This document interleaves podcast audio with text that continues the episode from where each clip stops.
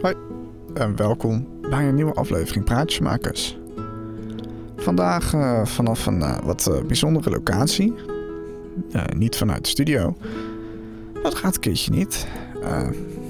ook een beetje de reden dat er vorige week geen, geen podcastje is geweest.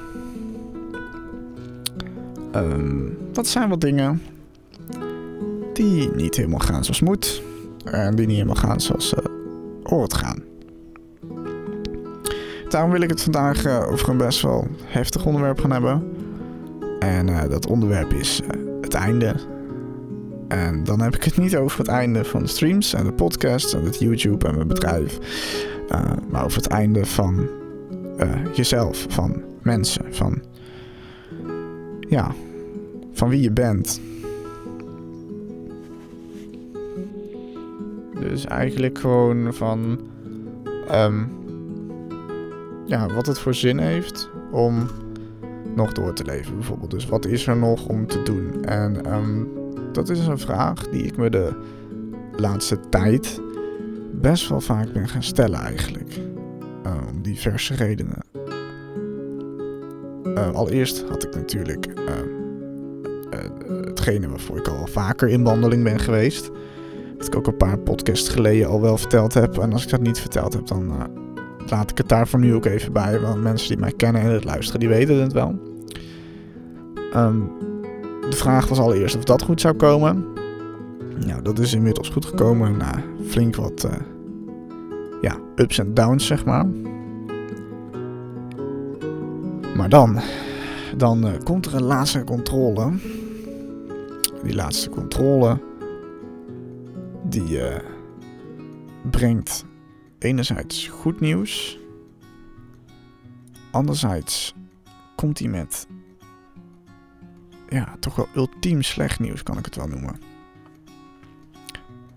Uh, er zijn dingen die je hoopt dat ze nooit vinden. Uh, je lichaam, je bestaan, je, bij anderen wat dan ook. En dat is wel iets wat ze gevonden hebben.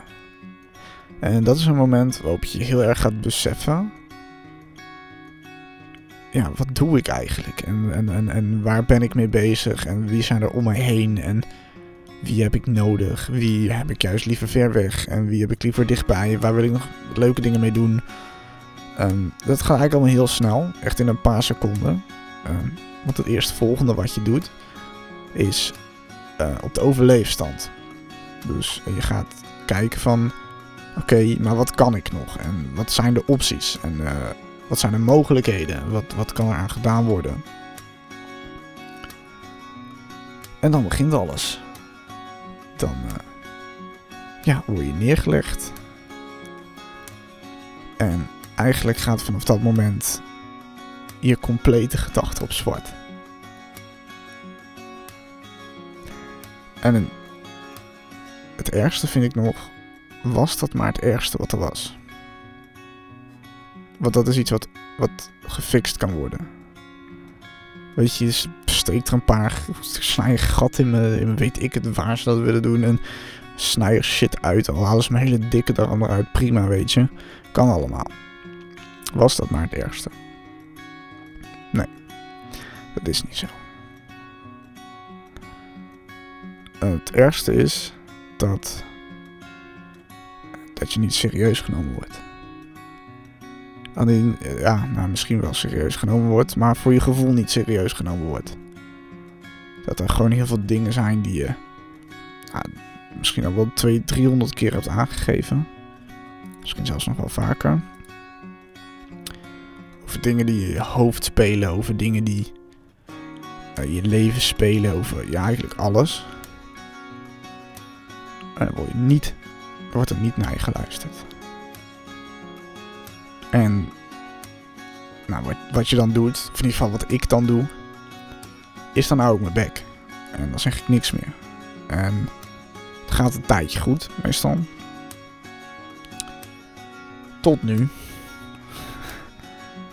Heel simpel. Ik weet, knip normaal nooit in uh, podcast, maar ik ben bang dat hier een hele hoop stiltes uitgeknipt worden. Wat ik gewoon eigenlijk niet weet wat ik moet zeggen. Oh ja, nou ja, er is heel veel wat ik wil zeggen, maar... ehm, ja, dat, dat is niet iets wat je met iedereen deelt, zeg maar. Dat is meer iets wat je kwijt moet aan iemand die je vertrouwt. En dat kan niet meer. Ehm,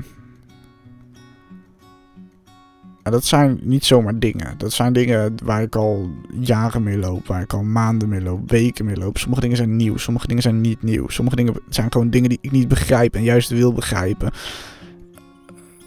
Soms is het ook zorg willen dragen voor iemand. Ik bedoel, als ik iemand, iets om iemand geef, dan wil ik er voor diegene zijn. Dan wil ik van diegene kunnen houden. En dan bedoel ik dat niet op een relationele manier, maar gewoon ik wil iemand waar ik om geef, en daadwerkelijk echt oprecht om geef, die wil ik als het minder is kunnen omhelzen. En gewoon even zeggen van, nou jongen, kom, hier is mijn schouder. Of hé hey, meisje, kom, hier is mijn schouder. Die opmacht en uh, het gebrek aan die vraag te durven stellen zit hoog bij mij. Omdat um, er zijn zoveel dingen die ik me nu na 19 jaar in één keer ga beseffen en over na ga denken. Ook omdat ik bij de GGZ bezig ben en omdat mensen vragen stellen. Er gebeuren andere dingen in je leven. En zoveel dingen waar ik de afgelopen 19 jaar nooit bij stil heb gestaan. En dat zit allemaal in je hoofd. 19 jaar lang informatie, alleen maar informatie. Die ik niet vertaald kan krijgen voor mezelf. Maar was dat maar het ergste? Want ook dat is niet het ergste. Kijk, natuurlijk, depressie is compleet kloten, om het maar zo te zeggen. Compleet kut. Maar er zijn ergere dingen. En dat valt ook wel een beetje onder de depressieve tak. Maar het ergste is in je leven om degene die je vertrouwt,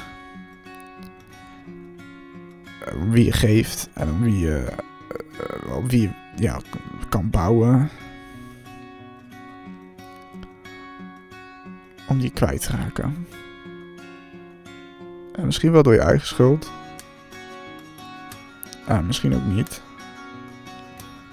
En de vraag is van, wat, kan je er zelf aan doen als je zelf uh, diep in shit zit eigenlijk. Wat je dan kan doen om... Ja, is het je fout? Is het je eigen fout? Is het, is het zijn fout? Is het mijn fout? Is het de, fucking uh, buurman zijn fout? Geen idee, maar het ergste wat er is. Je beste vriend verliezen. Maakt niet uit waaraan. Is het aan een ziekte? Is het aan, aan een ongeluk? Of ruzie? Er is niks meer op de wereld wat meer pijn doet dan dat. En dat is geen fictieve pijn. Dat is niet een pijn die je denkt dat er is. Dat is een pijn die je voelt ook. Je, om het even een, een, beeld te geven. Uh, je lichaam wordt koud. Um, je krijgt buikpijn, hoofdpijn. Um, vocht ogen. Droge keel. Droge lippen.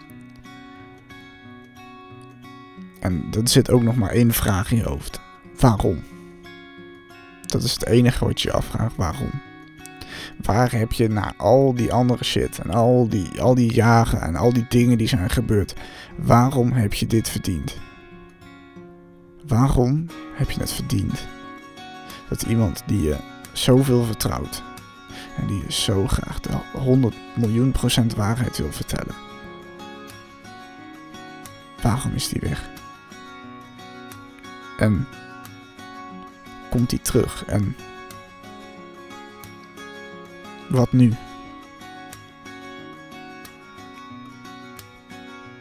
dat is lastig.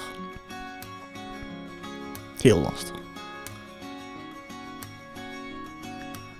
Kijk, en ik weet dat heel veel mensen er heel simpel over denken.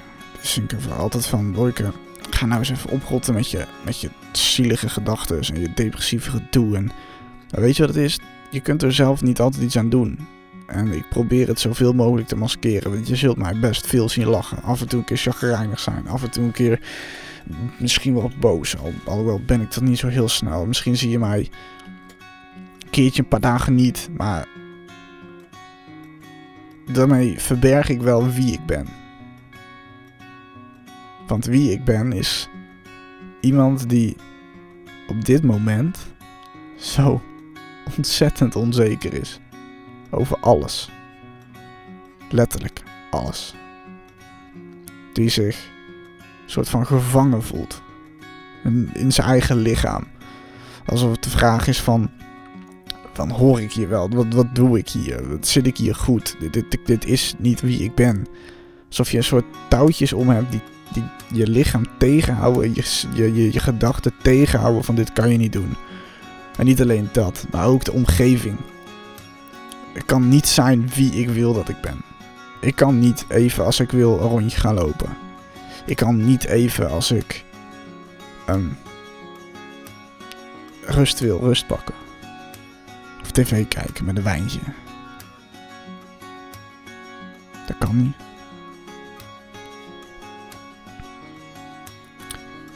En dan speelt ook nog het dingetje leeftijd mee. Dat ik gewoon vrijwel, nou één of twee misschien, maar vrijwel geen vrienden heb van mijn eigen leeftijd.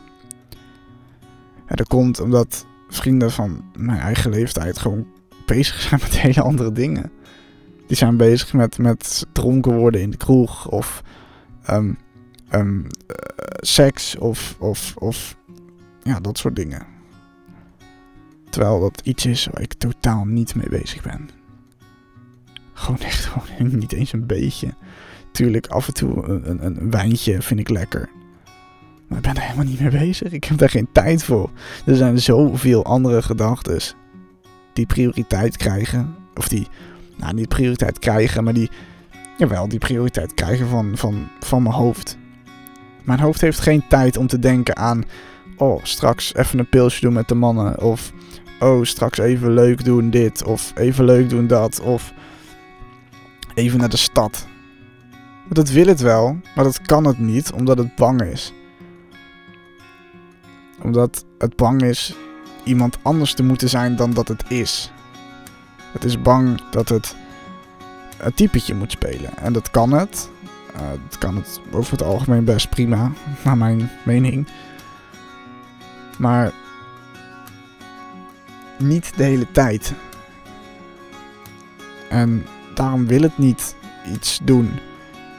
Wat ik al zeg, mijn eigen leeftijdscategorie is gewoon bezig met allemaal dingen die ik niet wil doen. Ik wil niet dronken worden. Ik wil niet elke avond een andere chick in mijn bed. Ik wil niet elke avond in de kroeg staan. Uh, ik wil gewoon lekker spelletjes spelen met mensen. Lekker gamen, lekker ouwehoeren. Ja, dat kan ook wel. Dat gebeurt ook zeker wel. Maar mensen van mijn leeftijd zijn ook een stuk minder acceptabel.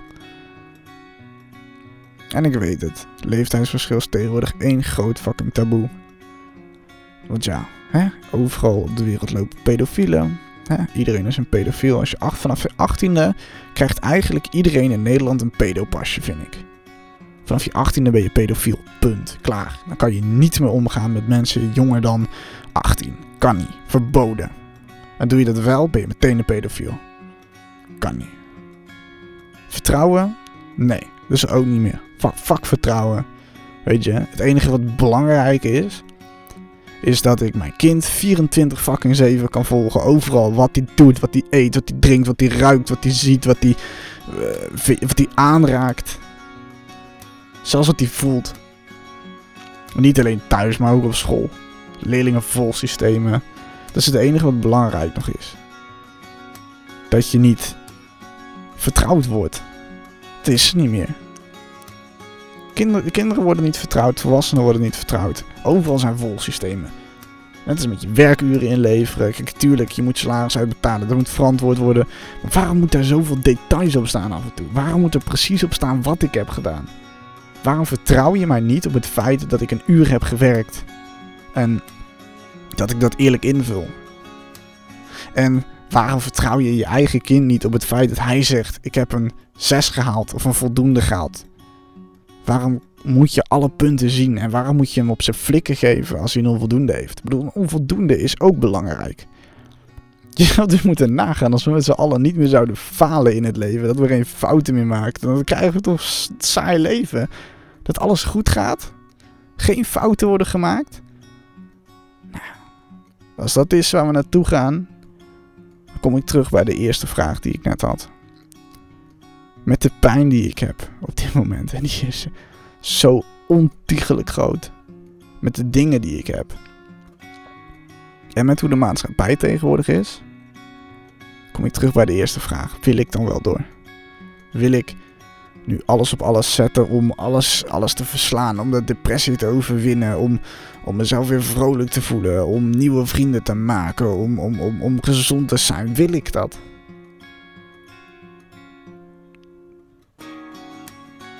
En dat is een moeilijke vraag. En ik weet ook het antwoord oprecht niet.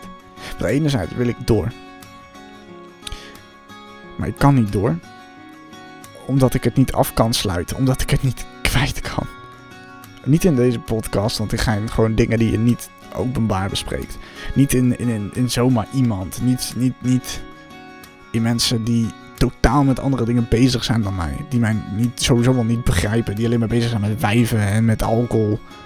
Dat is niet wie ik ben. Dus dat kan ik ook niet connecten met diegene.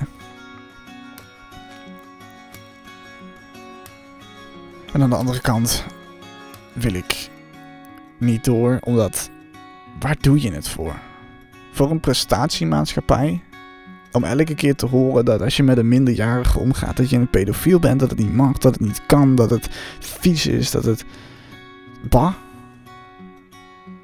Dat je niet meer vertrouwd wordt op het feit wat je invult. Dat voor elke vraag die gesteld wordt, er 300 controles zijn het is nog bijna niet zo erg dat ik aan de grens zes keer mijn pasquote moet laten zien en drie drugshonden in mijn auto krijg. Maar ook dat zie ik nog wel gebeuren, want het gaat alleen maar om presteren. Dus op dat vlak zeg ik nee. Daar heb ik geen zin in. Dat is niet wie ik ben, niet wil ik wie ik wil zijn. Tuurlijk, er moet prestatie geleverd worden. Maar prestatie gaat nooit boven mensen. Als ik zie dat een van mijn medewerkers, een van mijn collega's in de shit zit, dan krijgt hij minder werk een kans om te praten. En als hij zegt: Ik kan het aan, ik wil blijven presteren, mag dat. Maar als ik dan zie dat het te veel wordt, dan zeg ik: Stop, hier trekken we de lijn. Maar er gebeurt niet meer zoveel. Daarom zijn er ook zoveel burn-outs. En stress. En er zit de jeugdzorg compleet vol. Want de jeugdzorg heeft veel te veel kinderen die tegenwoordig met een depressie zitten. En dat komt omdat ouders ook niet willen luisteren. Af en toe. Sommigen natuurlijk wel. Kan natuurlijk niet iedereen over één kam scheren. Maar met scheidingen tegenwoordig en zo. Nou, dan krijg je dat soort dingen. Allemaal veel te lastig. Het grootste probleem waar ik nu in ieder geval mee zit, is niet wat ze gevonden hebben bij, bij de dokter. Is niet het feit dat ik uh, mijn hoofd vol heb zitten. Maar is het feit dat ik mijn beste vriend kwijt ben. En daarmee sluit ik deze podcast af. Tot de volgende aflevering. Dit was Praatjesmakers voor deze week. Join ook onze Discord. fireenterprise.nl slash discord. Tot volgende week.